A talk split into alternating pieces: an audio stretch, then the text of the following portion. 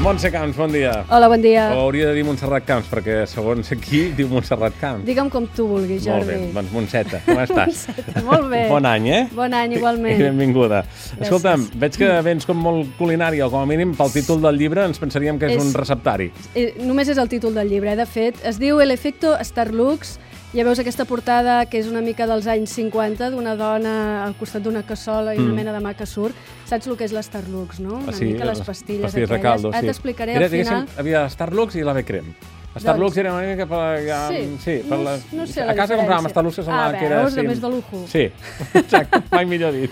Doncs bé, et porto aquest uh, El efecto Starlux. És el segon llibre de Juan Ballester, un valencià afincat a Catalunya ja des de fa força anys. Uh, és un llibre que ens parla uh, de dos amics, el Germán i el Tino Polo. El Germán és un estiuejant de ciutat a un poble de costa i el Tino és el fill d'un dels pescadors. Són molt diferents, però són molt amics. Passen els anys, el Germán es converteix en forense, de professió, i el Tino és submarinista. I un dia Germán s'ha d'afrontar a la feina eh, més difícil que ha hagut de fer mai, que és fer l'autòpsia del seu amic, el Tino, Ostres. que veu, eh, descobreix que s'ha suïcidat. no expliquen més, eh, perquè- no expliquen més, però de fet és així com arrenca el llibre. Sí.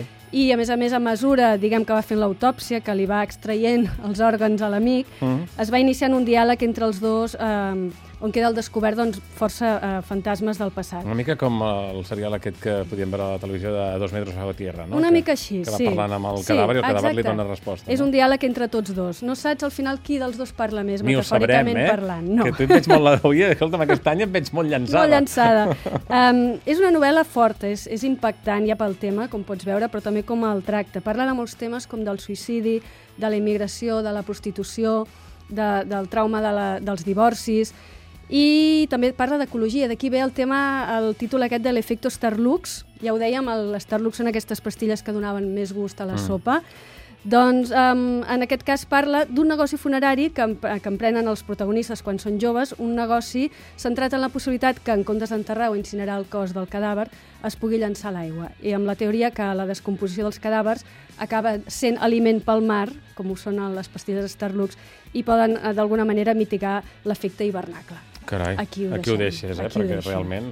Escolta, M'estan agafant ganes de llegir-lo, Sí, eh? és- és Qui la- Qui interessant. l'edita?